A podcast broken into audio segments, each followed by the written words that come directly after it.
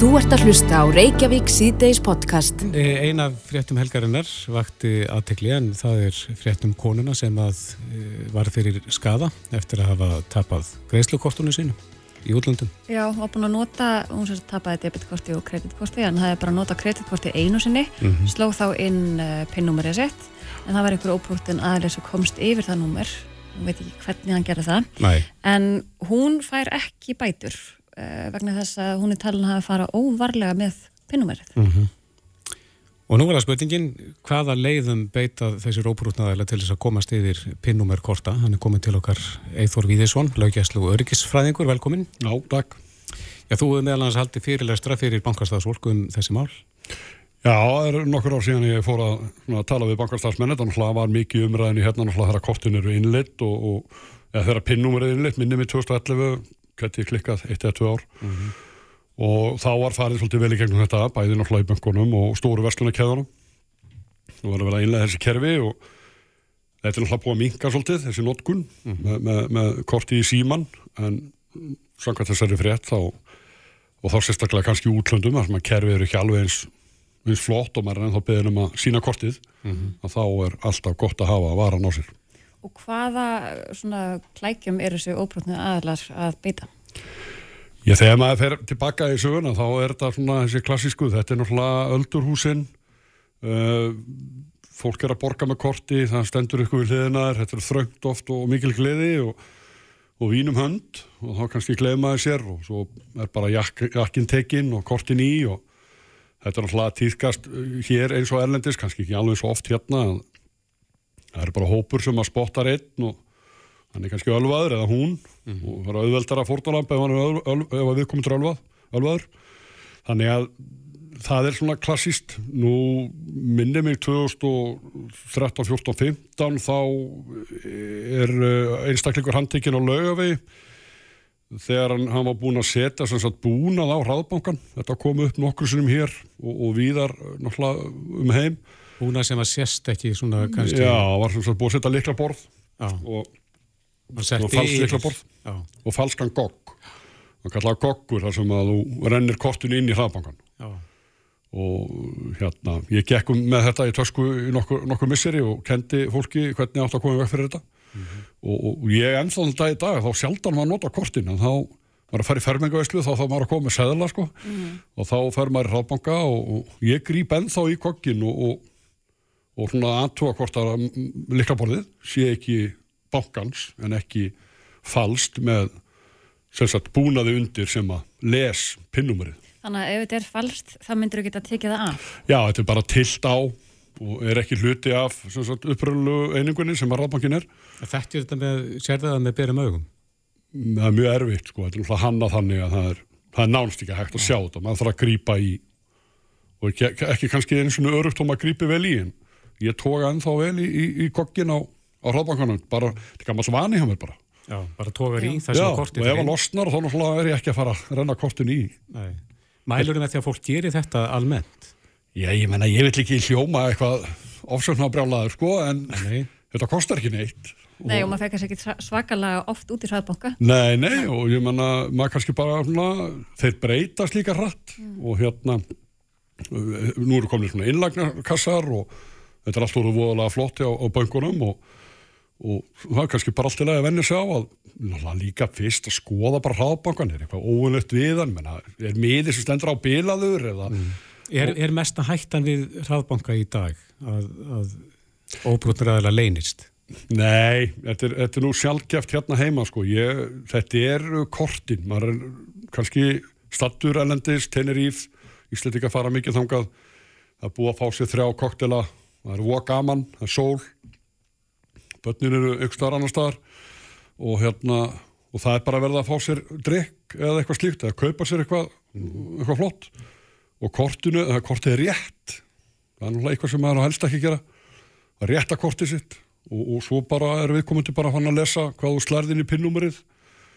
Og, svo bara reyna að komast yfir kortin, þetta er náttúrulega er gríðarlega stórið innar, þannig að maður veit svo sem ekki alveg hvar þessir brotamenn leynast, þeir geta líka leynst innan, innan um starfsfólk á hotellinu eða, mm. eða á veitikastöðunum, það er vel þekkt líka mm. illa launustörf og eða svona lægra launuð og, og kannski freistandi að taka þátt í ykkur svona svika starfsemi.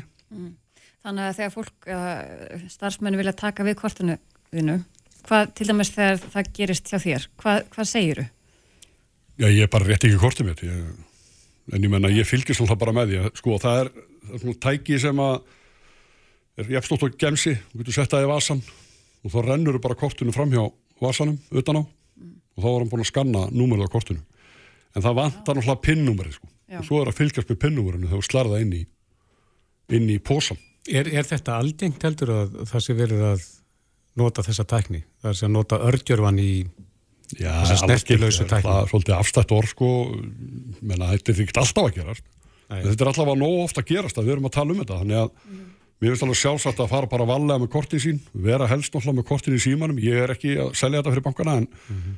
mér finnst það örgara fyrir mig, það er andilsgreining og þó að síminn týnist að þá er ekki að lota kortið mitt. Mm -hmm. Þannig að þetta er svona, mér finnst þetta flottari laust, þetta þarf stundum að nota pinnúmerinn og þá er bara gott að fara valega með þau. Það kostar ekkert að grípa í gogg eða grípa í liklaborið, það kostar ekkert að setja hendina aðeins fyrir mm -hmm. og passa sig þegar maður er að skemta sér með helgar. Mhm. En veistu hver þróunin er? Það er að segja, munu þessi pinnum er dætt út fyrir rest? Ég myndi halda það sko að þau myndi þá fyrir ekki að fara að treysta á svona lífran enginni eins og augu og, og, og fingraför og mér, þau er alltaf búið að snar minga síðan fyrir tíu árum. Mm. -hmm. Pinnumunum voru bara gjössalótum allt og pinnumur eru leiðileg. Það er hérna, bæðin alltaf þarf að muna þau. Ég veit ekki hvað maður er komið mörg pinnumur og, og leini orð og það er erfitt fyrir fólk að muna svona hluti í svona hraðin í samfélaginu alltaf aukast og maður er alltaf að muna meira og meira og getur alltaf að muna minna og minna og þannig að bara þessi augu, augskönun og, og, og, og fingraförm, ég finnst þau bara miklu miklu betri laust mm -hmm. og það er erfitt að stela svona þess og svo hvað framtíðin verið skautið sér hvað, það verður að græjan verður að þekka þig einhvern veginn mm -hmm. og hérna fólk er með þetta í símaskráni, pinnumerið, kreddi, frendi, freddi, frendi, deppi, frendi og ég menna að þú týnir símanum þá ertu fórst yfir slæmum málum og það er nú bara góð regla að loka kortunum hvort þið er sko. Mm. Ef þú talar um hraða, nú maður fara, fara að vesla meira á netinu uh, og fólk, það er vantarlega margir óbrotnir aðalar þar Já, já, ég er bara við ekki hennar það, síðast bara lokaði hvort ég vor þegar kom spurning frá bankarum hvort ég var að kaupa eitthvað frá Brasilíu og ég hef nú ekki ennþá farið þangað þannig að ég lokaði kortun alveg um leið og þessi tvefalda aukinningur náttúrulega hjálpar okkur svolítið mikið við það við, erum, mm -hmm. við kaupum eitthvað Amazon eða, eða á netinu, bara almennt og þá fáum við SMS með kóða og hérna, eða tölupóstjapil mm -hmm. til að opna fyrir í rauninni til að hleypa greiðslinni gegn og um leiðum að fær svoleiðis beðni, annarkvært SMS eða tölupóst eða eitthvað slíkt og er ekki að versla og þá er mjög þart að ganga fljóttuverks mm -hmm. og láta loka fyrir kortin, allavega tímabundið og tala strax í bankan sin. Og svo eru sífælt fleiri söl, sölu aðeins sem eru fattar að nota Apple Pay mm -hmm. sem er mjög þægilegt. Það er bara jafnast á við snertulegs viðskipti mm -hmm. í gegnum neti. Það er rosa peningur held ég sko, það er mikið hægraði í fyrir stóru fyrirtækir sem er að selja okkur vörur, Amazon og Apple og fleiri að hafa þetta auðvelt og hafa þetta náttúrulega fyrst og fyrst örugt af því um leið og við þurfum að vantresta greiðslumóta og þá hættum við að nota og, og svona sögur svona, eins og þessi kona nú erum við að tala um þetta og þetta er í frettunum og fólk er að segja frá sig og, og það e, e, rýrir náttúrulega sko, hvað við segja, rýrir náttúrulega bara gróða þeirra sem er að vinna þessa vörur og, og mm. vera að selja og við viljum nota öruga greiðslumóta og það er þeirra hagur að hafa þetta sem best þannig að ég vonaði að þetta færi að þróast og þróist núna í framtíðinu ennþá betur mm -hmm. En það er pinnúmerið sérstaklega sem að fólk þarf að hafa varan á Já, við höfum mörg verið stött á öldurhúsi og það er bara tróningur og það er mjög auðvelt að lesa menn það er allir séð pinnúmer hjá okkur sem það ekki sko. það er þess að misnóta það bara, svo er alltaf sumi sem bara er að fara full frjálslega með þetta og segja bönnunum frá eða senda krakkanum til búð og mér finnst það algjör óþarfi sko. Mm -hmm. Eithor Viðesson, laugjæslu og erikisfræðingur Kæra þakki fyrir komuna. Takk. Þú ert að hlusta á Reykjavík C-Days podcast. Það var bladamannafundur á Littlarhönni í morgun það sem að nýjar áherslur í fangilsismálum voru kynntar. Og henni komið til okkar, Guðrún Hafstensdóttir eh, Dómsmálar á þar, velkomin. Takk fyrir það. Ja, Hvaða stóru fyrirætlanir eru þetta hjá ykkur í fangilsismálum? Já, uh, ég bóðaði til bladamannafundar á litla raunni í morgun þar sem að ég bóðaði stórtækar umbætur í fangilsismálum, mm -hmm. uh, byggingu á nýju fangelsi, uh, fjölgun rýma og svo endur skon fullnustu lagana. Af hverju var aðast í þetta núna? Það hefur átt sér stað umtalsverð mikil vinna núna síðustu misserinn og, og mánuðina eh, vegna svona lélegs ástands húsakossins á Littlarhaunni og það var búið að setja það inn í, í fjármála áallun og búið að tryggja fjög upp á 2,3 miljardar til að fara í endurbætur á húsakostunum á Littlarhaunni. E, Svo vinna er hafinn og, og það var byrjað að vinna þar í vor og við nánari e, vinnu að þá kom bara í ljós að það svarar ekki kostnaði að leggja svona mikið fjö, 2,5 miljard króna í endurbætur og, og reyna ennina ferðina að tengja eitthvað af þessum nýju húsum saman. E, þetta bara svarar ekki kostnaði og í samráði við Frankvæta Sísluna og fjármálaráðanitið að þá var ákveð að fara þá leið og búða samþykja það í ríkistjórn að byggja nýtt fangelsi á litlarhunni frá grunni. Mér langar líka að fá að segja að e, elsti hluti fangelsisins á litlarhunni að hann var byggður fyrir rúmi 90 árum mm -hmm. og var tekið í notkun 1929 og bara svona til gamans að þá e, rifjaði fangelsismára stjóri Pál Vingel það upp á fundunum í morgun að, e, að það var skráð þannig að fyrir ní, rúmi 90 árum var lagt fram að lagafrömmarp á alþingi þar sem landstjórninni var heimilað að verja af ríkisfið alltaf 100.000 krónum til að kaupa land og láta reysa beturinn á hús og letigarð. Letigarð? Og letigarð þar sem skilir þið þykja góð til að fangar og slæpingjar sem ekki vilja vinna fyrir sér og sínum að þeir getur stund að hotla og gaglega vinnu. Þetta er orð rétt úr þessu, mm. lesi hjá mér. Og úrvarða að byggja, letik, eða setja letikarinn upp í því húsi sem að átt að verða sjúkrahús uh, Söðurlands. Já, já. Þannig að eldsti hluti Littlarhauns, þetta gamla fallega hús sem að Guðjón Samuelsson byggði og var tekið í notku 1929, það var aldrei byggt uh, með það í huga það er því fangelsi heldur sjúkrahús. Þannig að e, allar götur síðan að þá höfum við verið að bæta við byggingum þarna og reyna að mæta kröfum í hverjum nútíma. Þannig að þarna er í dag nýju byggingar og þetta er ekki og uppfyllir með engum hætti þar kröfur sem við gerum til fangelsa í dag. En hvað verður þá um gamlu byggingarnar? E, ég hugsa eitthvað hluti þegar að verið rifinn Elsta húsi sem ég var að nefna, það er friðað og það mun því standa. E, það verður síðan bara að koma í ljós í fylliku tímans hvað borgar sig að halda þarna af byggingum, hvað við getum nýtt áfram. Það er alveg ljóst að til þess að hérna, við ætlum að byggja núna uh, fyrir, á lóð fangilsisins, þetta er land sem að ríkið á Uh, og það verður, við ætlum að reyna að byggja hratt og öruglega og halda fullri starfsemi á litlarhaunni á byggingatíma. Það verður krefjandi og það verður flókið en uh, til þess að geta gert það þá munum við þurfa að setja eitthvað tíu miljóna í endurbætur á því húsnaði sem núna er þar fyrir og kannski verður það niðurstaðan að einhverjum ári liðnum að, að við munum nýta eitthvað þessu. Ég mm. það verður tímanarlega ljós. Uh, Pál Vingel, fangilsmáðstöður, sagði einmitt í morgun að það verður lungu tímabært að loka ömurlegri aðstöðu á Lillarhönni. Hvaða skilur þið þar hérna, nýja, uh, nýja fangilsið að uppfylla? Hvaða kröfur? Fyrst og síðast þá verður að vera hægt að tryggja öryggi fanga, öryggi starfsmanna sem að þarna uh, starfa og svo líka að bæta allan aðbúnað aðstatenda fanga og heimsókna gesta og það ætlum við að gera og gæta sérstaklega að þörfum barna og ég get sagt það sem að ég nefndi nú ekki morgun að það ætlum við til dæmis að gera strax. Við ætlum að koma upp núna í e, gámum eða bráðabyrða húsnaði á lóð fangilsisins e, aðstöðu til heimsókna.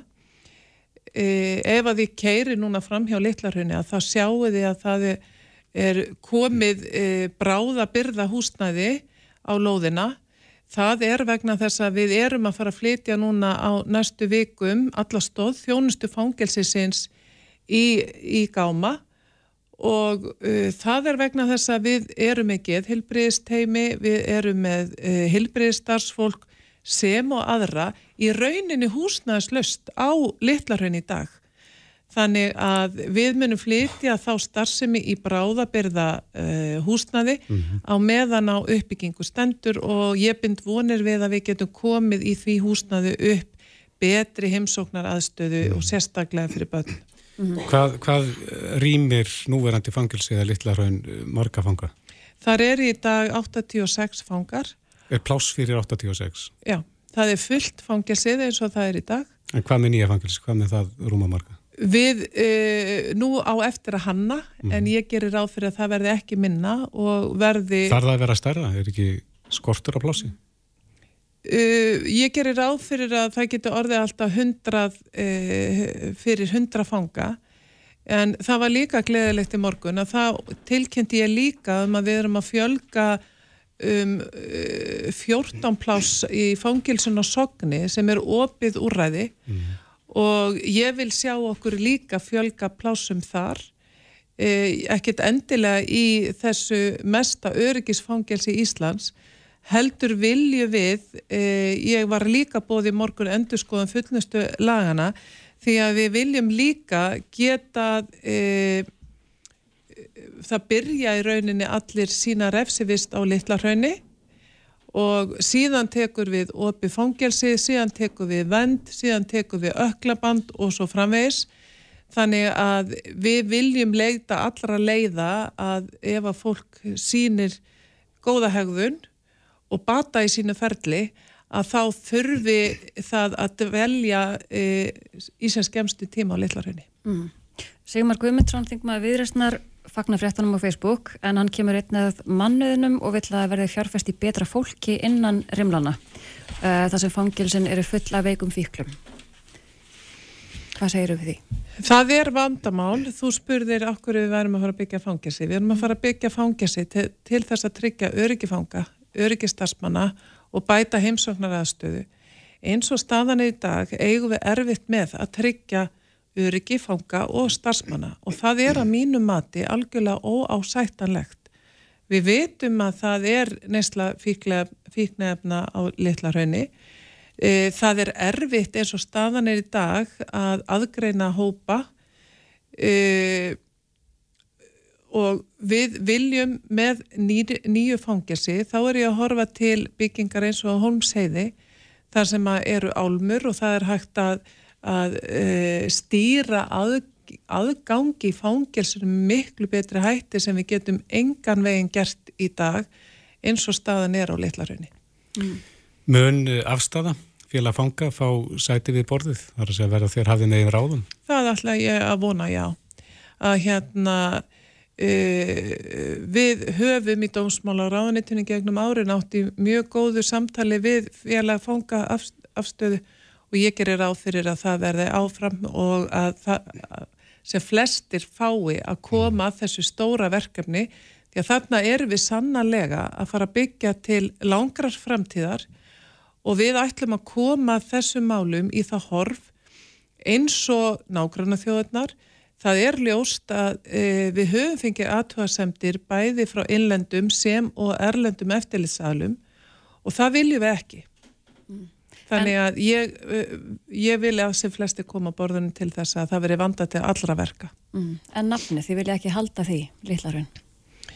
Uh, það hefur bara ekkert verið tekið einn ákvörðunum það. Uh, nafni Lillarun er auðvitað örnefni. Þetta vísar til bóndabæjar sem þarna var.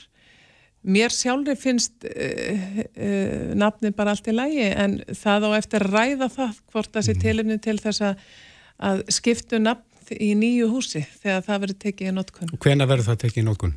uh, komið dagsetning? Bin, nei, það er ekki komið dagsetning. Núna förum við á fullt að hanna fangelsið.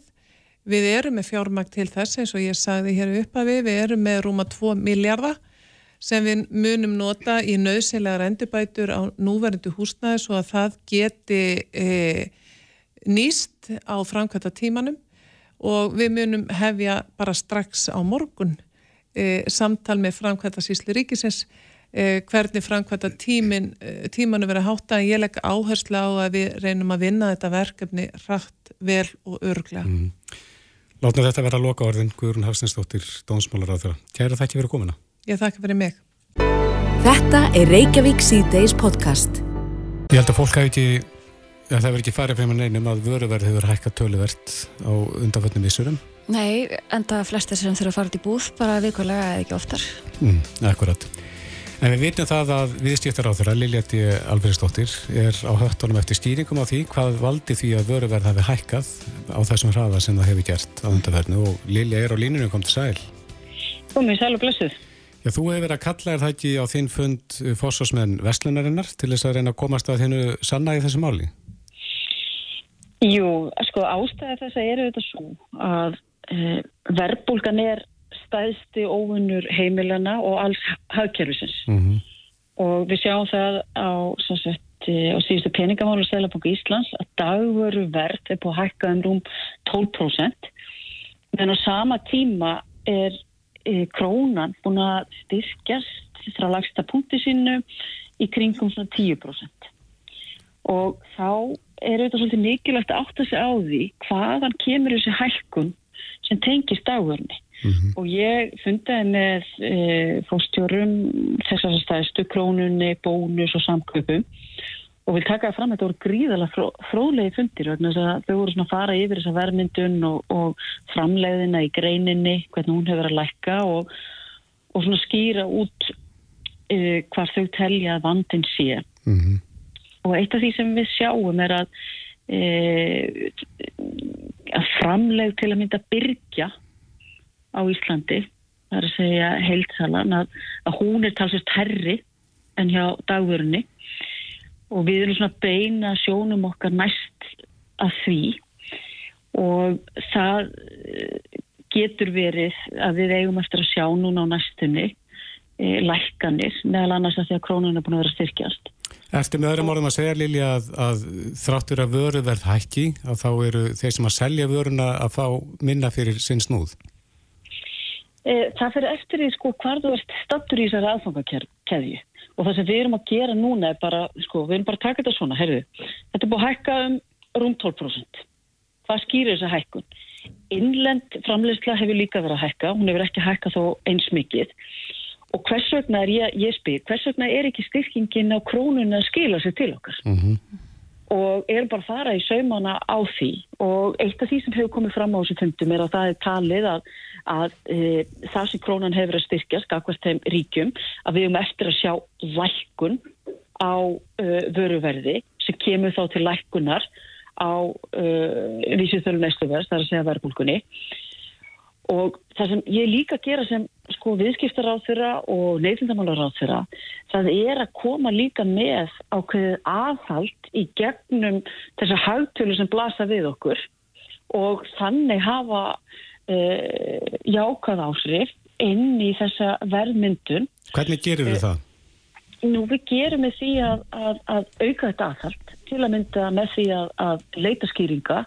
Uh, ég er kjörufulltrúi, það er fólki í landinu sem kýs mig og það sem kvílir mest af fólkinu í landinu það er annars vegar matakarvan og hins vegar, hins vegar uh, húsnæðisliðurinn, það er að segja hvað þú greiðir hverju minnista mánuði í húsnæðiskostnað og það er bara svo að við munum ekkert auðvitað okkur kvildar fyrir en að við erum búin að ná niður þessari verðbólku. Við hefum alla fórsöndu til þess. Það hefur að vísu verið e, mikið fensla á einu markaðanum og sem er jákvæmt og neikvæmt, jákvæmt að því leitunum til að, að atvinnleysi er mjög lítið í Íslandi en á, en á móti kemur og það er ákveðin skortur og vinnuafli.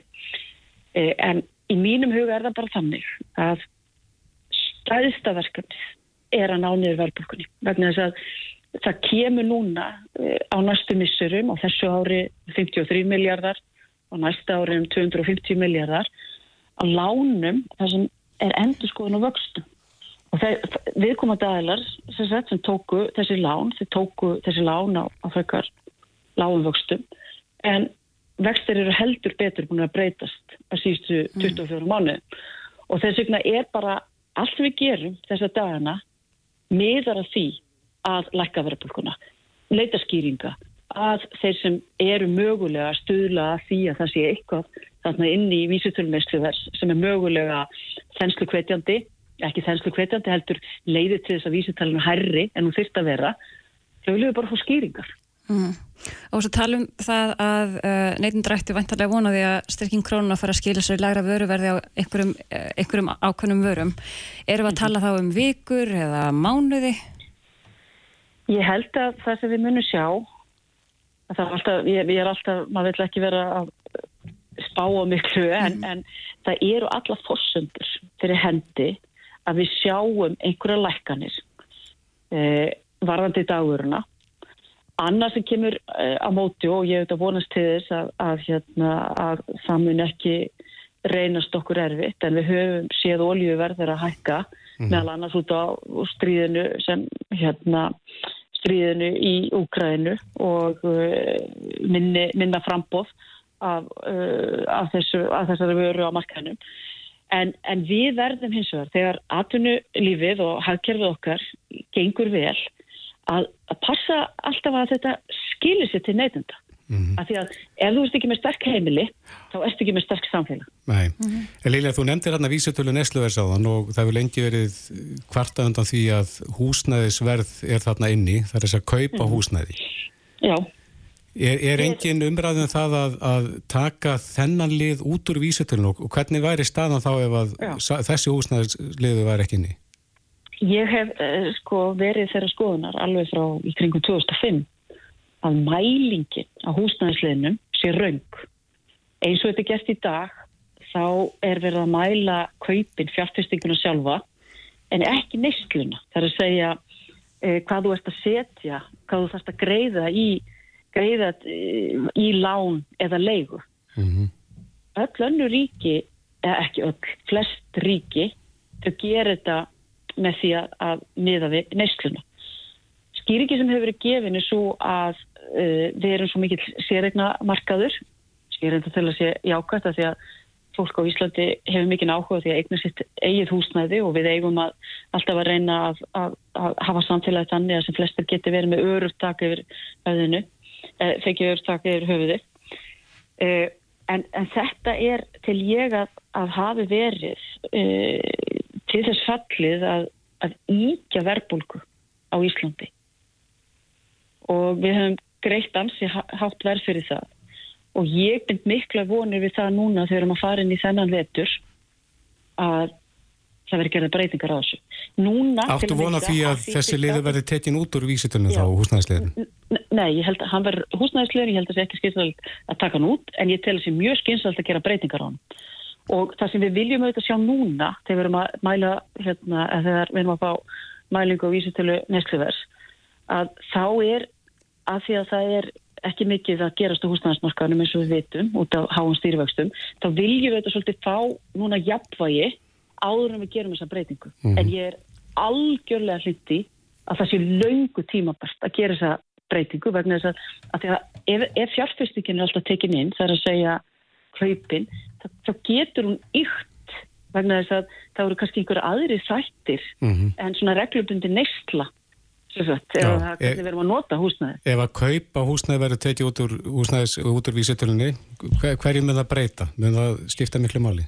Ég held að, að þessi liður það verður svona meiri stöðuleik hann verður ekki eins sveiplukendur ég, ég Ég, ég, ég tel að svo verði. Og er, er samstæðin um það, það að, að taka þetta út úr vísutölunni á komandi þingi? Það er heilmikil vinna á vegum ríkistjórnarinnar í gangi varandi þetta og, og fullur skilningus á því að það sé mikilvægt að fara í þessa kjærisbreytingu. Og hvena verður þetta kynnt áttu vonu?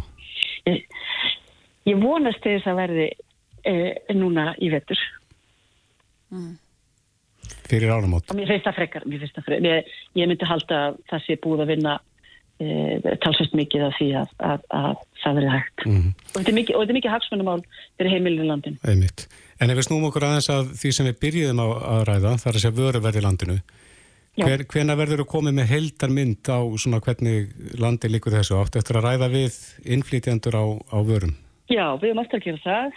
Við erum sagt, alltaf að tala við alla uh, stóri byrgjana til þess að, að hérna, líka skoða þess að fram, framleið, uh, framleiðin liggur hjá þeim miða við dagvöruna og uh, ég ger á því að það verði bara á næstu dögum síðastalagi í, í lók næstu viku. Mm.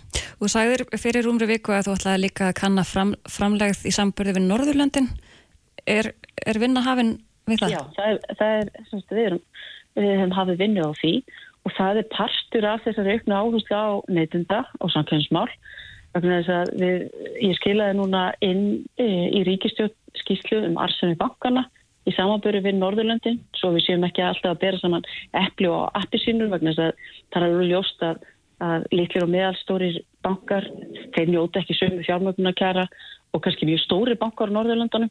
Þannig að í skýslunni sem var gefin út fyrir þremu vikum e, þá erum við með þennan samanbjörn sem er mjög britt. Þar til að mynda e, kemur fram mjög skýrt að það hefur áttist að gríðalegt hæðræðing í íslenska bankakerfinu.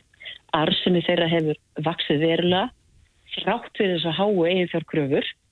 E, þá hefur uh, arsinni þeirra aukist verulega og ég er á þeirri skoðun að það sé alveg ljóst að þessi að bankanir þurfi að taka þátt í því að stemma stíðinu við verbulguna og taka þátt í því með stjórnvöldum og heimilónum í landinu að verbulgu skellurinn verð ekki ómikil á þau heimili sem eru að lenda í þessari endurskóðun. Nei.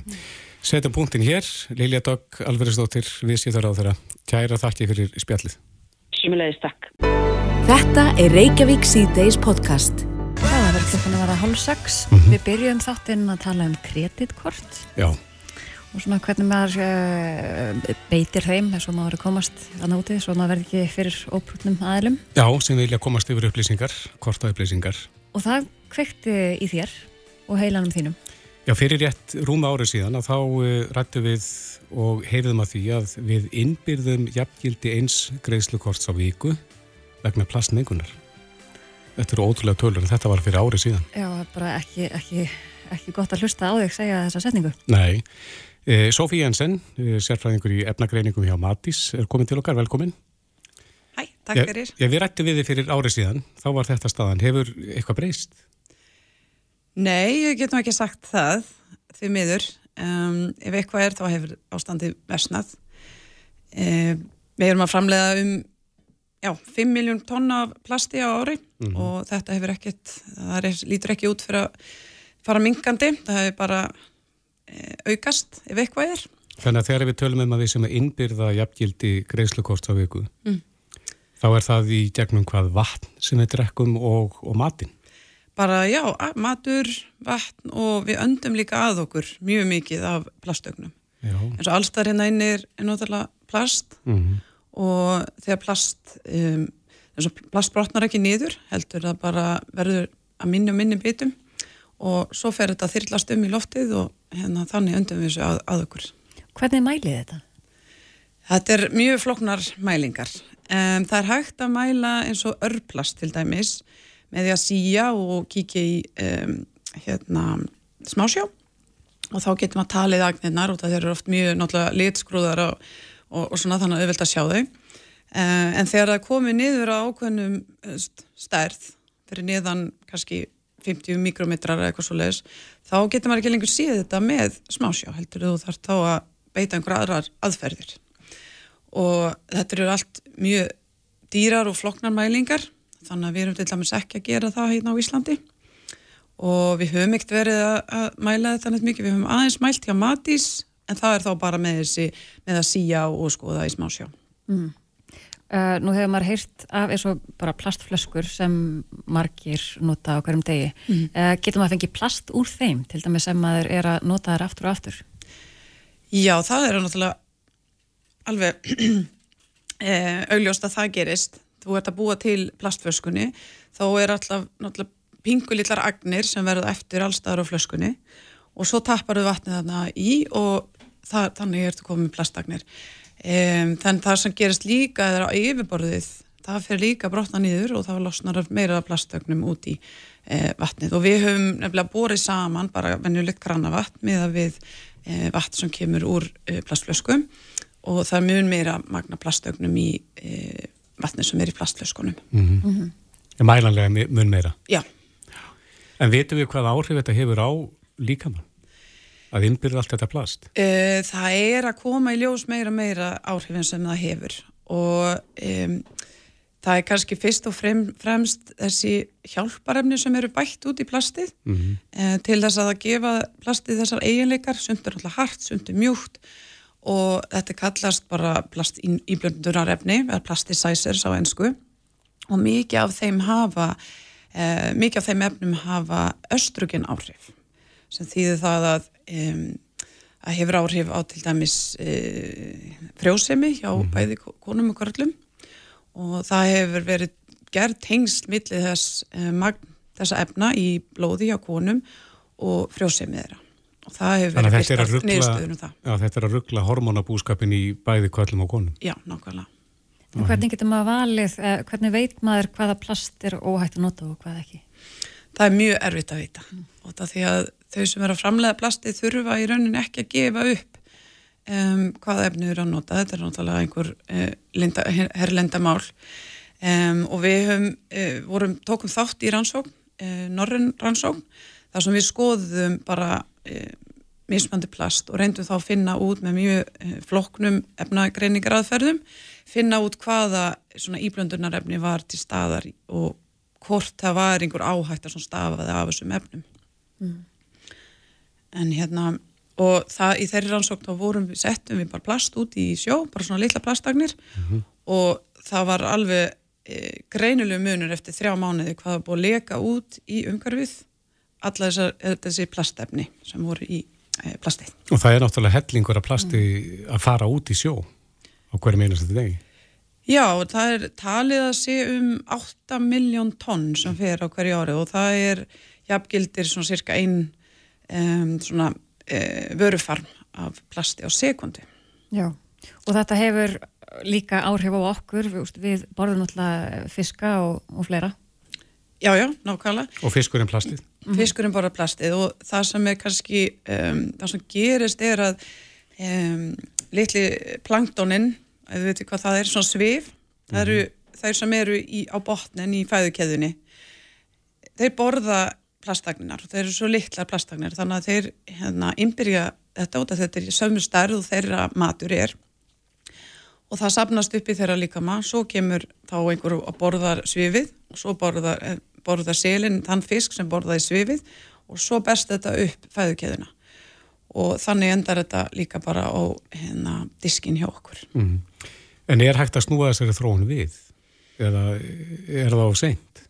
Sko það er í gangi núna um, hérna, hvað heitir það saminuðu þjóðarnir mm -hmm. eru með e, viðræður í gangi um að e, svona, búa til sáttmála þar sem kemur bara lagaleg binding á því að ákveðna hlutir þurfu allir að gera eins og það er mitt að minga framleiðsla plasti, auka endur nýting af plasti og þá er ekki að takla um endurvinnslu út af því í dag erum við að endurvinna um 10% af plasti mm, ekki Rest, meira já, nei, í rest, heiminum þá eða við Íslandingar já. Já. Um, og restin endar bara í landfyllingu eða á einhverjum sorphaugum í uh, Asju eða einhver starf mm -hmm. þess að þetta bara uh, færa fjúki, fjúka um og endar þá í, í ám og vötn og svo rennur þetta út í sjó þannig að um, það er náttúrulega hefur verið mjög mikið á svona sjálfbæðalið aðgjörðum eins og reynsaði strendur og um, svona grassroot treyfingar sem að segir að eh, neytindur við höfum verið að kannski neyta og segja bara viljum við ekki allt þetta plast og mm -hmm. það sem hefur gæst hérna á Íslandi til dæmis það er að plastbókar voru bannaðir í búðum um, en þetta er bara ekki nóg eins og staðan er og það sé að eftirspurnin er bara enþá allt, allt og mikil eftir plasti. En er eitthvað sem að getur komið í staðin fyrir plastið? það er alls konar e, í gangi en það er bara ekki nóg mikill peningur sett í svona verkefni mm. því að plast náttúrulega kemur af um, svona fossil fuels þannig að það drifið áfram af því. Það er mjög ódýrt efni og það er gott efni í mörgu. Um, til dæmis eins og lekningavörur og, og svo les en það er þetta, allt þetta einnóta plast sem við erum að nota hverjum degi. Það sem við það er búið til eitthvað það sem þú fer út á sjó og sækir hérna ólju og svo er þetta búið til plast úr þessu eh, og við notum það í nokkra sekundur svo setjum við það í röslið mm -hmm. eh, þetta er náttúrulega ekki ringrásarkerfi við, mm. það er það sem við viljum hafa. Það sem plastlutur verða bara um, eru hannaðir á þann hátt að það er hægt að nýta, þá, nýta plastið áfram áfram. Eins og til dæmis ál. Við endur nýtum meirinn 80% af öllu áli. Um, og þannig að þessi að endur nota plasti það er það sem er opuslega mikilvægt. Mm -hmm. og já, þú spurðir hann um að, hvað við getum notað í staðin mm -hmm. um, það er mjög af uh, rannsóknum og líka bara svona frumkvöðla starf. En þetta er svolítið ströggl því að fólk, þetta er á frumkvöðla staða skiluru, og þá þurfa fólk að sækja styrki og svona til þess að geta haldið áfram vinnuna sína Um, en það þarf bara miklu meira input í þetta og það þarf aðgerið strax til þess að hérna, íta þessu áfram og koma þessu að markað og líka að ná niður verðið þannig að það verður samkemtinsheft við plastið mm -hmm. mm -hmm. En þú vorst að fara að halda fyrirlestur á morgun, eða ekki? Uh, það var fært um viku um, þannig að hérna, en það er einmitt, það er allir að tala um plastið þetta er bænda Eh, bændasamtökin og uh, sveitafélagin sem standa fyrir uh, svona verkefnastjórafundir mm -hmm. og það er allir að tala um skísla sem við gáum út hjá Matis sem snýst um áskorarnir við bökkum grammetis til dæmis. Því eins og ég sagði þá er plast uh, það nýtist náttúrulega í mörgu eins og til dæmis það að pakka grammeti En það er mitt, manni finnst það svolítið sorglega þegar maður fyrir út í búð og sér gúrku pakkaði inn í plast sem endur að það er ekkert að vera í plasti. Nei, nákvæmlega þarf ekki að vera í plasti en þetta er svolítið tví ekki að sverð. Út af því að með því að pakka það í plasti og það hefur sínt sig, þá er hún að spórna gegn hérna, matasóun, matasóun mm. um, þannig að og matasóun er náttúrulega líka valda, er að valda hérna, losun gróðurhósa tjónda og, og þess áttar um, þannig að þetta er svona erfitt að, að skoða þetta mm -hmm. um, en þetta er svo að segja, það þarf ekki allt grammiti að vera í plasti og það er hægt að nálgast þessu öðruvísi hátt. Um, líka það að nota pappaumbúðir eða eitthvað svoleiðis. Um, er, ég er til dæmis í verkefni þar sem við erum að reyna að búa til umbúðir fyrir matvæli úr lúpínutrefjum sem er mjög spennandi og líka e, stórþörungar og það hefur gengið rosalega vel en þetta er náttúrulega eins og ég segi bara á frumkvöðla mm -hmm. hennar stöðu. En loðar góðu. Lofa góðu, mjög góðu. Já. Þetta er aldrei verðt, eh, Sofí Jensen, sérfræðingur í efnagreiningum hjá Matís. Kærar þætti fyrir komuna. Bara takk fyrir að hafa mig. Reykjavík síðdeis á Bilginni podcast. Það var stórfrett í gær mm -hmm. í bandreikjunum og um allan heim sem myndi mitt alltaf á Armageddon. Já, myndina. Sástu það mynd? Mhm. Mm með Bruce Willis Einmitt. þegar hann, ég vona að flesti sé búin að sjá myndina um, þegar hann þurft að fara sagt, hvaðja, hvaðja alla hérna á jörðinni og stoppa smástyrni Já, sem að stemdi á jörðina Já, mm -hmm. hann þurft að fara sjálfur sagt, í geimfari Já. en í frettinni í gær sagt, var verið að fagna komu geimfarsins Osiris Rex mm -hmm. sem lendi í Jútafylgi í bandaríkunum en það eru sjö ár síðan það var sendt út í geim í þenn tilgangi að sapna tveimur kílóum af bergsínum úr smástirninu bennu. Koma aftur til gerðar mm. og það var mhm. engin um borð. Þannig að kannski þurfti Bruce Willis ekkert að fara. Nei, en að robotin vann þetta bara sjálfur. Já, uh, en til okkar er komin Sævar Helgi Bræðarsson Sæl, hæ hæ. Þú veist aðeins meira um þetta en við Já, mögulega, kemur, búin, kemur það í ljós. Þú hefur búin að fylgjast með þessu lengur en verkefni hefur verið í gangi. Sast, en gemfari hefur verið á flugi. Já, ég kynntist þessu verkefni fyrst í minna fyrir 2008-2009 þá var ég stattur á ráðstefnum stjörnulífræði svona astrobiology í Stokkólmi í Svíþjóð. Mm. og það var náttúrulega svona kvöldverður eitt kvöldið og þá settist ég við hliðnum manni sem ég vissi ekkert hver var. En svo þegar hann kynni sig þá heitir hann Michael Drake og hann síðan segir mig frá verkefni sem hann er að vinna að að koma í gagnið gerfutunglun sem á að heita Osiris Rex og á að fara að smástyrni, sækja þar sínu og flytja aftur til jarðar. Svo tveimur árum síðar þá fellur hann frá. Þannig að heilin og baka verkefnið er því miður fallin frá en e, fólki sem að vann með honum það náttúrulega tók bara við keflinu og, og leisti þetta svona glæsilega. Þannig já, ég er búin að fylgjast með þessu bísna lengi og það var þar á leiðandi mjög svona kannski pínu tilfinninguþrungin stund að sjá þetta verða veruleika. Því maður hefur svona mjög pínu, pínu lítill tengsl við þetta, Mhm. ekki mikið meira en það og náttúrulega maður þekkir vissulega fullt af fólki líka sem eru að vinna við þetta. Þannig að ég veit að þau gretu hressilega í gær þegar að fallífin opnaðist loksins og afrakstur erfiðsins Sveif til jarðar. Sveif til jarðar, akkurat, af því þetta er náttúrulega ekkert smá verkefni, það tekur ára tíu yfirleitt að skipuleika svona. En Hvernig gekk þetta fyrir sig? Þetta, náttúrulega, gerfitunglum var skotuð loft 2016 Mhm. og tveimur árum síðar þá fór það á brautum þetta smástirni sem heitir Bennu sem er nefnd eftir e egypskri, eða fuggli úr egypskri goðafræði Mhm. og Bennu er svona demantslaga uh, ruslahaugur eiginlega og stærfið keili cirka Mm. Og þegar þanga var komið þá var þið gerfitungli tveimur árum Fjalli keili sem sagt. Já, fjalli keili. Já. Þannig að þegar gerutungli kom á áfangastað þá eitt eða tveimur árum í að kortleggja yfirborðið og finna heppilan stað til þess að sækja síni. Mhm. Og það var gert þannig að gerutungli var bara látið uh, færa sig hægt og rólega að því. Svo var Það út svona... fyrir ekki, það var, var fjárstýrt. Já, já, frá, e, akkurat, en svo reyndar áhugavert að hugsa til það að gera e, smástyrnu og svo langt í burtu Mhm. að vel skilabú voru einhvern, einhvern hálftíma að berast á milli, sko, þannig að allt þurfti að vera forrið fyrirfram og það var ekki hægt að gera nokkuð skapaðan hlut fyrir en bara já, ekki- það var bara aldrei hægt að gera nokkuð skapaðan hlut heldur bara vona að þetta myndi hefnast. Og þetta var náttúrulega á flegi, bæði hafi verið á flegi ferð, bæði smá styrnið og svo líka þetta gemfars. Akkurat, þannig að gerfutunglið er náttúrulega á, á hérna, og náttúrulega hægt og rólega bara nálgast þetta fyrir bara og fer á spórbyrð um það og er þarna á flegi ferð en svo snertir yfirborðið, þá er það með svona eins konar tennisbaði eða, eða ríksughaus sem að svona ítir á yfirborðið, svona svolítið eins og það sé ekki á high five, þyrlast þið fullt af ríki Mhm. og fullt af þessu ríki og litlum steinvölum sem sagt festist inn í ríksughausnum og það er síðan uh, fært inn í sínasöfnuna hilkið það Það er svona ekki bara lítið rík sem er að koma til. Já, þetta er svo, og litli svona, litlar steinvölur Mm. svona, og 250 grömm sem er ansið mikið, Mm. miklu meira en nóg en svo þegar áttu að loka hilkinu þá vildi ekki betur til en svo, það voru of mikið af efni í því, þannig að Mm. það var ekki hægt að loka því, eins og þegar maður er á skýðum og næri ekki að festa skýðin eða stífulinn sín við skýðin þannig að það Mm. mjó- mólum sem að svif út í geiminn En svo bara var komið að því að býða því að jörðin var á heppilum stað aftur til þess að hægt var að skjóta eða fara frá smástirninu til jarðar á ný og það gerist sem sagt í gær og þetta tókst svona fullkomlega og eins og segi þá fjall, fjallu, fjallu ansi mörg tár hjá vísindufólki þegar að komið ljósa afrakstur erfiðsins næðist. Og hvað getur þetta sagt okkur? Þetta getur sagt okkur ótrúlega margt. Við erum að eh, rannsaka smástyrnum vegna þess að þetta eru byggingareiningar sólkjörusins. Þetta er bara efni sem uh, hérna, reikistjórnar jörðin til dæmis varð til úr. Og ef við skoðum grjóta á jörðinni, þá er stöðu endur nýjun eða endur vinsla í gangi á, á jarnæsku grjóti.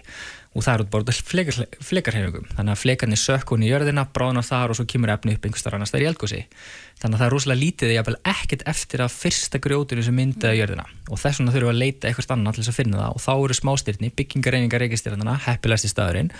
Af því þetta eru líka þá fyrirbæri sem hafa breyst lítið sem ekki neitt í 4,5 miljardar ára og það er akkur þess vegna sem við fyrir þangað og hvað geima þessi steinar, allir steinar segja sögu og ef við kunnum að lesa söguna þá er svo saga frekar stórbrotin, því hún segir okkur til um hvað var til þess að hnötturinn var til fyrir hverju löngum tíma síðan hvaða efni geimir hann uh, geimir hann vatn til dæmis uh, og er einhvers konar málmar í þessu og þess að það sem að við viljum vita til þess að átt okkur betur á tilur jarðar, tilur tungsins og líka jafnvel uppruna lífsins Kemur þetta úr okkar sólkjölu? Þessi... Já, þetta er bara hluti af okkur sólkjöri Mhm. og þetta er bara leifarnar af því efni sem varð ekki að reikistjórnum til að byrja með Mm. og það er hann sveim út um allt og stundum sjáum við að koma inn til okkar eins og við bara fengum að sjá fyrir tveimu vikum þegar að víganötturinn byrtist okkur svona ljóslefandi bókstaflega. Mhm. uh, en þegar að loftsteina falla til jarðar þá breytast þið pínlega á leiðin í gegn af því að þeir upp, upplifa hérna hita og, og lenda í hitanum sem myndast við fallið og svo sömulegist þá kemst súröfni í návi við steinana þannig að þeir mengast eiginlega strax. En í svona loftsteinum höfum við fundið uh, lífræn efni lífræn efnasambund sem sagt, kólefnisambund og það er eitt af því sem við verum að fara að rannsaka núna bara, Og hvað tekur þetta langan tíma að rannsaka? þetta mun taka mörg mörg ár og það er hluti af þessum sínum að uh, rétt ríflega helmingurinn, kannski 75% verður gemdur bara fyrir framtíðar kynnslöður fyrir e, tækjabúna sem er ekki lengu en þá orðin til af því að tæknum náttúrulega flegið fram og hver veit hvernig staðan verður eftir 20, 30, 40, 50, 100 ár þannig að hluti sínuna verður geimdur en núna verður uh, hlut, hinum hlutunum dreift bara til vísindafólks um allan heim og það býður mjög spennt vægast eftir að fá að handleika þau og, rannsaka mjög grann uh, vel og vandlega. Mm. Farðu brott? Því miður fæ ég ekki brot en hérna ég er að handvisum að ef að íslenskir jarðvísindamenn myndu vilja rannsaka þá getur þið fengið það e, yfirleitt er þetta þá tengt þeim stopnunum sem taka þátt í leðangrunum mm. þannig að NASA náttúrulega bara sér um að sækja draslið og svo bara eru háskólar um, um allan heim sem fá að handleika og prófa að rannsaka mm. Og hvað tekur svo við? Hvað, hvað er næst? Sko það er ímislegt næst það er e, svona gullöld í rannsóknum á smástirnum núna það því núna bara eftir tíu daga og átta klukkustundir fyrir að loft annað gerfutungl sem heitir Psyche og Psyche á rannsaka nött sem er ger ólíkur bennu og það er smástyrni sem eru járni bara járnklumpur og hvaðan kom þessi járnklumpur? Já, Psyche á að hjálpa okkur að svara því en uh, á jörðinni þá hefur flest allt járni bara dotti niður í yðurjarðar, í kjarnanum og mm -hmm. það er náttúrulega að bráða hlutu til og býti segulsvið og svona en að við viljum komast í snertingu við frumstætti átn mm. til þess að átt okkur líka en það betur á myndun solgerðisins og svo frammeðis þannig að það fyrir loft eftir tíu dag og ég veit að fólk býður mjög spennt eftir þeim legangri Þannig að það er blómlegt framöndan í þessu, heldur byttur. Eh, kemur til með, uh, verður þróinu svo að menn fara að sætja svona efni til þess að, að vinna með hér? Já, svo er það annað að því að smástyrni eru náttúrulega stundum á eh, hættulegum spórbrytum sem gætu skórið spórbryt jarðarinnar. Mm -hmm. Þannig að það er pínulítil hætta á að bennu eða önnur smástyrni skelli á okkur í fjarlæri framtíð. Það er ekkert að skella á okkur í nánustu framtíð. Þannig að við getum alveg svo en við viljum líka finna leiði til þess að bæja hættinu frá ef við finnum smástöðinni sem gæti skotlið á okkur og þetta er þess að leiður í því líka mm. en að hérna, þau getur kent okkur ótrúin margt um tilur þjárðarinnar En að sækja já til þess já, að vinna og, það hér Og líka það, það er þess að hugmyndur uppi um það að nota smástöðinni sem leiði til þess að sækja málma sem er eftir að sækja hér á mhm. jörðinni mm. og því ódýrir sem gerfið tunglu og geimferðir verða því líklega er að af því verði í framtíðinni þannig að mm. þetta er líka hluta því að finna bara út hvað efni leynast þarna Já Spennandi að fylgjast með. Við getum eiginlega ekki sleftir uh, áður en við ræðum aðeins um uh, gemverur og það eru búin að vera svolítið mikið í frettum, eða þær, hérna frettir af fljúandi fyrirlutum mm -hmm. og því að NASA hefur svona stíð skref Já. í þá átt. Einmitt. Hinga til hefur þetta svolítið verið bara að herðum uh, hersins að halda utanum upplýsingur um óþægt loftför í sérstaklega landhelgi eða lofthelgi öllu heldur bandaríkjumanna og það er ímislegt sem hefur komið fram á þeim myndum sem er erfitt að skýra. Og nú á að fá hjálp frá vísindafólki og sérfræðingum hjá NASA sem hefur aldrei haft bara þetta hlutverk. Þannig að þau fá núna fjárveitingu til þess að skoða myndir og myndskeið sem tekin hafa verið bæði af almenningi og svo sömulegis af hernum. Og reyna að finna út hvað í raun og veru þar leynist. Uh, eins og sækist enda núna þá, uh, ég held að hópurinn telli 17 manns eitthvað sluðis og þau hafa hingað til ekki náða að finna neitt eða allt sem þau hafa fengið hendunar hefur verið hægt að útskýra á einhvern nátt sko. en svo er mm. alltaf eitthvað sem bara vantar gögn og þess að þar sem erfiðar er að útskýra Vitu við hvaða hópur þetta er? Uh, já það er svona nokkur neginn ég veit til dæmis hver einn er einn heitir Nadia Drake og hún er hérna dóttir Frank Drake sem var þekktur stjórnfræðingur, bladakona vísindabladakona og svo er fullt öðru fólk hérna líka sem ég kann ekki alveg frekar deili á mm. en þetta er fólk sem hefur mjög góðan bakgrunn uh, og mjög svona fjölbreyttan bakgrunn líka og held ég að við sé bara mjög vel til þess fallið að leggja stundu á þetta sko. Já, Þannig, og opin hug kannski líka. Já, já, já, svona, já, akkurat, en þú veist, svo bara spurning hvort það kom eitthvað út úr þessu sem er áhugavert eða ekki, en uh, það verður bara tímin leiða í ljós. Er það ekki mikilvægt að menn verða að hafa svolítið opin huga Jú, ekki spurning og hérna og vísindamenn líka. Já, já, já, og við hefum náttúrulega aldrei bara svona, hvað er maður að segja, svona hunsa þetta eða nýtt þannig, heldur Nei. skoða hlutina með að sjálfsögðu opnum hug. Uh, reynslan hins vegar sínur okkur bara það að oftast er hægt að útskýra þetta og í öllum tilvíkum þegar okkur tekst útskýra þetta þá er útskýringin í jarðanesk og það er náttúrulega bara því miður ekkert sem bendir til ennþá en að hitt sem okkur hefur ekki tekist útskýra sé ekki jarðanest mm -hmm. og það er svolítið stökk að fara frá því að um sér að eða óskýru mynd af einhvers konar loftfari eða dýri eða eitthvað þess að það er fuggli eitthvað slíkt. Uh, yfir í það að það séu gestur úr geimnum þótt að svo skýring væri stórkvæsleg og mm. frábær hún er skemmtilegri hún er svolítið skemmtilegri en við þurftum svolítið að leita af okkur allan grunn áður en að það væri svo skýring sem við stikkjum á sko. Akkurat, mm -hmm. það stýttist kannski í það Já, þannig í raun og veru snýst þetta bara um með gaggrinna hugsun mm -hmm. og gaggrinna hugsun þýðir það að þú ert með ofin hug leitar að sönnunagögnum og, og samþykir síðan sönnunagögnum sem koma fram það er mjög vísindamannslega sagt. Já, það er bara þannig sem þetta virkar. Þannig að ekki spurning, að því að það er annars líka svona hluti sem við viljum rosa mikið að séu sannir, eins og til dæmis vangaveltur með lífi í geimnum. Við viljum bara fá að vita það að þá þurfum við að vera ekstra varkár, að því þá er svo auðvitað að plata okkur, sko. Þannig að hérna, þegar að slíkt er, að þá, einmitt eins og segi, þurfum við að vera mjög varkár og sönnunugögnum þurfum við að vera þeimun sterkari til þess að vísindaheimurinn að minnstu samþykja það. Mm. Og þá bara við um allt sem að mhm. vísindin hafa aflað sönnunugögnin eru, þegar við tölum um kenningar, þá er það bestu mögulegu skýringar á því sem við erum að velta fyrir okkur. Og svo með aukinni teknið framför í vídeo og fölsunum, Já, þá verður erfiðara kannski að greina sannleikan frá... A akkurat, bara gera grindinu svona sem er að Já. plata okkur núna þegar, Einmitt. þannig að þá þurfum við líka alltaf að sækja ráu gögnin og við gerum það reyndar svona, kannski í framhjálöpi eh, þegar svona ljósmyndikefnir þá er fólk ofta mjög duglegt að skreita myndirnar kannski óhóflega. Þannig að þegar fólk sendir inn myndi sem eru of góð til að vera sannar þá er oft krafist þess að fólk sendir inn hráu myndina mm. og unna mm. hráa mynd til að sjá hvort að hún sé einmitt fölsuð eða ekki. Mm. Sævar Heldi Bræðarsson, vísindamiðlari. Kæra þakki fyrir komin Kæra þakkir. Hlustaðu hvena sem er á Reykjavík C-Days podcast Reykjavík C-Days heldur á framklukkan að ganga sjö Já Það er marga sem dreymir um að verða flugmenn, mm -hmm. fljúa um uh, himnana. Já, loftin blá. Þú, þú sagði mér það í dag að það var þinn draumur. Já, svona, er það ekki draumur ein, einhverja? Já, að, að verða flugmenn, að læra að fljúa. En flugnám á Íslandi hefur verið e, svona í einhverju kyrstöðu upp á síkastið eftir að flugakadémina Keili lendi í vandraðum sem er ekki gott út af því að það er búið að vera skortur á flugmennum bara í öllum heiminum og, og spáða hann fari að verði bara verri Já. næstu tíu ár. Einmitt, Guðmyndur Tómas Sigursson yfir þjálfunaflugstjóri hjá Æslandir er á línu, kom til sæl. Já, sælverði Það er mikilvægt að ekki eftirspurn eftir flugmennum út um allan heim? Jú, það er ótt að segja það að þessi eftirspurn tók óvendan kipp eh, þegar að fóra líðundi lóð COVID og, og flugfjölu fóra upptur mm -hmm. þá hefur verið mikil eftirspurn og margir hafa stækka mjög mikið og þá hefur þessi sín sem hefur kannski verið til staðar í mörg mörg ára áksins eh, virt sá spátumur vera að rætast allavega hlut til á, á sumustöðum í heiminum. Mm. Og það er bara slegist um starfsfólk núna þegar í hálóttanum? Jú, það er allavega, það er, þetta er góðu tíminn til þess að vera nýbúin að vera um það byrja að ljúka námi, hvort sem þetta er flugmanns eða flugvirkjunar eða til þess að starfa sem, ég er bara sem áhafna meðlum um borð, það eru, þetta er svona oft svona ákveðin bolt með fara að rúla og, og hérna menn færast til á milli flugurekstra ræðila frá flugskólum yfir til flugfélag og svo jafnvel á milli flugfélag, þannig að það er mikið um ráningar um þessa myndir. Mm -hmm. En hver er staðan á flugtjensla á Ísland í dag?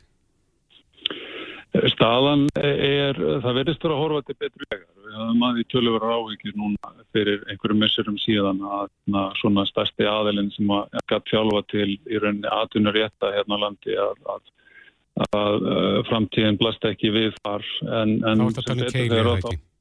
Jú, keili eða, eða, eða flugakademíuna, flugskóla Íslands og það hétt hérna, mm. farið heita nokkrum nöfnum í gegnum tíma en jú, það var svona stærsta stofnunum sem sáum þessa þjálfun og það leitt út á tímbili fyrir að kem ekki fleiri flugmenn þaðan en það verist ekkert að rætast úr því sem við fögnum mjög Einmitt, en það horfið til betri vega núna? Það verðist gera það já, sem við fyrir. Við erum nú ennþá bara að fylgjast með þessu hlýðalínu en, en það verðist vera sem svo að, að, að hægt sé alveg aftur til fullsnáms hérna á Íslandi sem, sem er mjög jákvægt. Mm -hmm.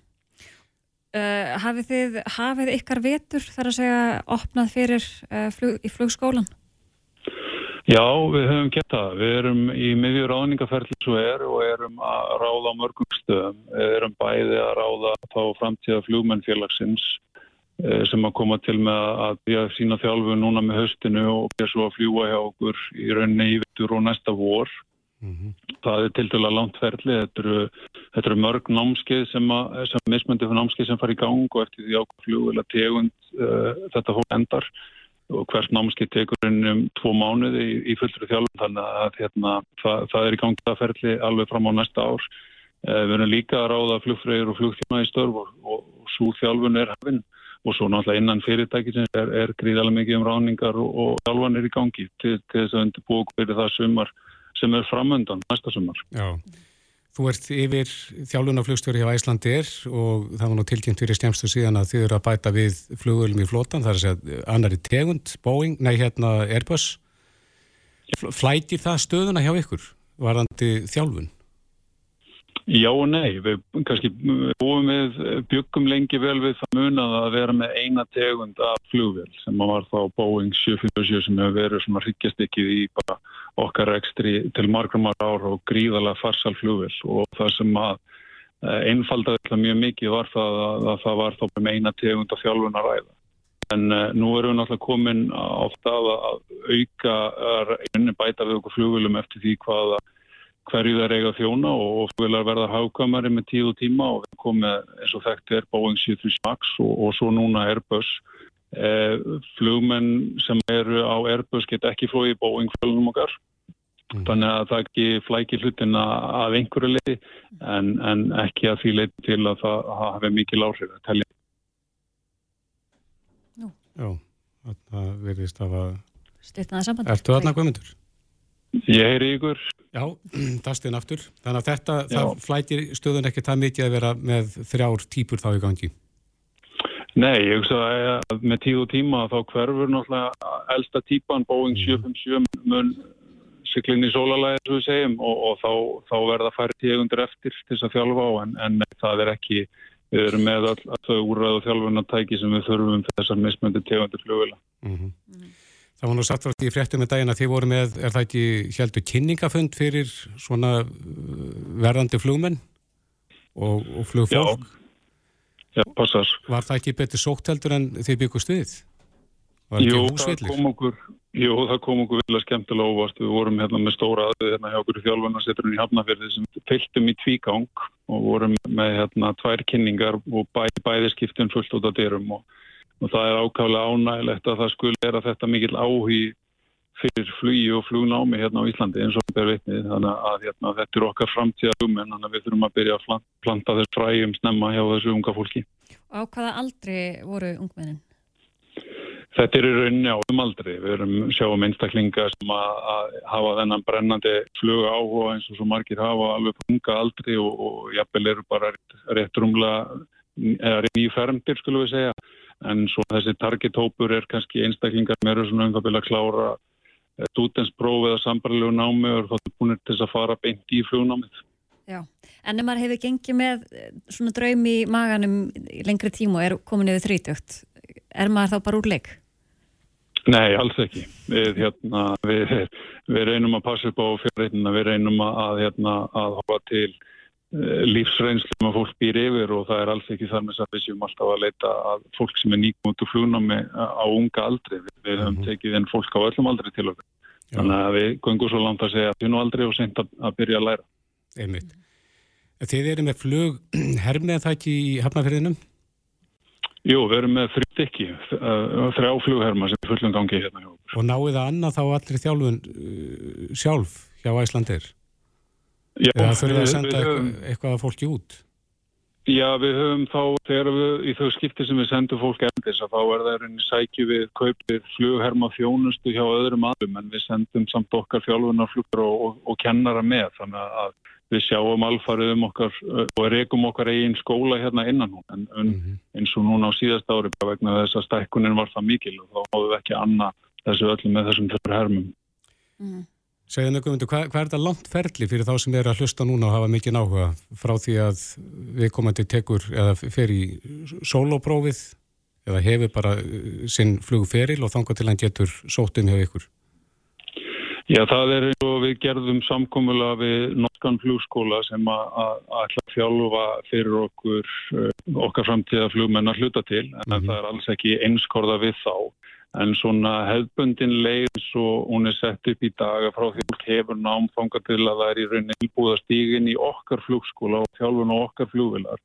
Að það er svona á bylunu 18 til 24 maður. Það er ekki lengri tíma það? Nei, það er þetta, ef að menn halda rétt á spilinu, þetta er náttúrulega flug eða nám sem er mjög eður fast tengt og þess áttar. Mm. Nú er mikið stór hlut af flugnám farin að færast á sólríkari staði eins og í Ítaríkjónum í, í Texas eða Florida, Arizona eða eitthvað slíkt. og þar, þar gengur, gengur þetta hraður fyrir sig þannig að svona 18 til 24 mánuður er nokkur raunhafi tími. Já, taldum veður. Uh, ég var inn á síðu sem heitir Tips for Travelers Æsland og þar eru erlendi ferðamenn að, að rappa saman og þar myndaðist þráður um íslenska flugumenn og hvað þeir varu góðir sérstaklega í lendingum Já. við erfiðar aðstæður í alls konar veðrum. Er eitthvað til í þessu? Já, ég, ég held að við getum alveg fullist það. Ég held að við hérna á, á, á okkar fallega landi, við náttúrulega erum búin við þar aðstæðar og við fljúum yngað alla daga ásins í alls konar öðrum og við erum bara reynilega meira útsettir fyrir þessum veðuröflum heldur en fljómenn sem eru staðsettir annars þær í heiminum. Þó allir runni hafi fengið já, góða þjálfun alltaf nú að segja, en þá eru við í betri þjálfun þegar að kemur því að glíma við erfitt og krefjandi eður. Þannig að já, ég ætla, ég ætla að taka undir það föllir þengu. Eru þá íslenski flugmenn þá vinsæl og eftirsóttari heldur en aður? Já, sko, nám er, er allavega það nám sem við stiðjum, það er samefrúst og viðkent á öllu svæðinu, þannig að, að, að þetta alveg jamt yfir alla ganga, en, en jú, ég, íslenski flugmenn eru eftirsóttari. Eh, eins og, eins og mjög margar aðra starfstjættir í rauninni bara vegna þess líka hversu okkar, það er í rauninni okkar hugafar og okkar mentalitet sem íslendingar sem að kemur okkur langt, við erum lausna miðuð eh, leifum vandamál og, hérna, og stöndum vaktina og það er það sem er eftirsóttu kostur sérstaklega þessu starfi, það gefast aldrei upp. Já, ég held að það sé bara frábær loka orð Guðmyndur Tómas Sigursson yfir þjálfunar flugstóru hjá Estandir Takk hella fyrir spjallið og gangið guður Bestu takkir, takk svo mjög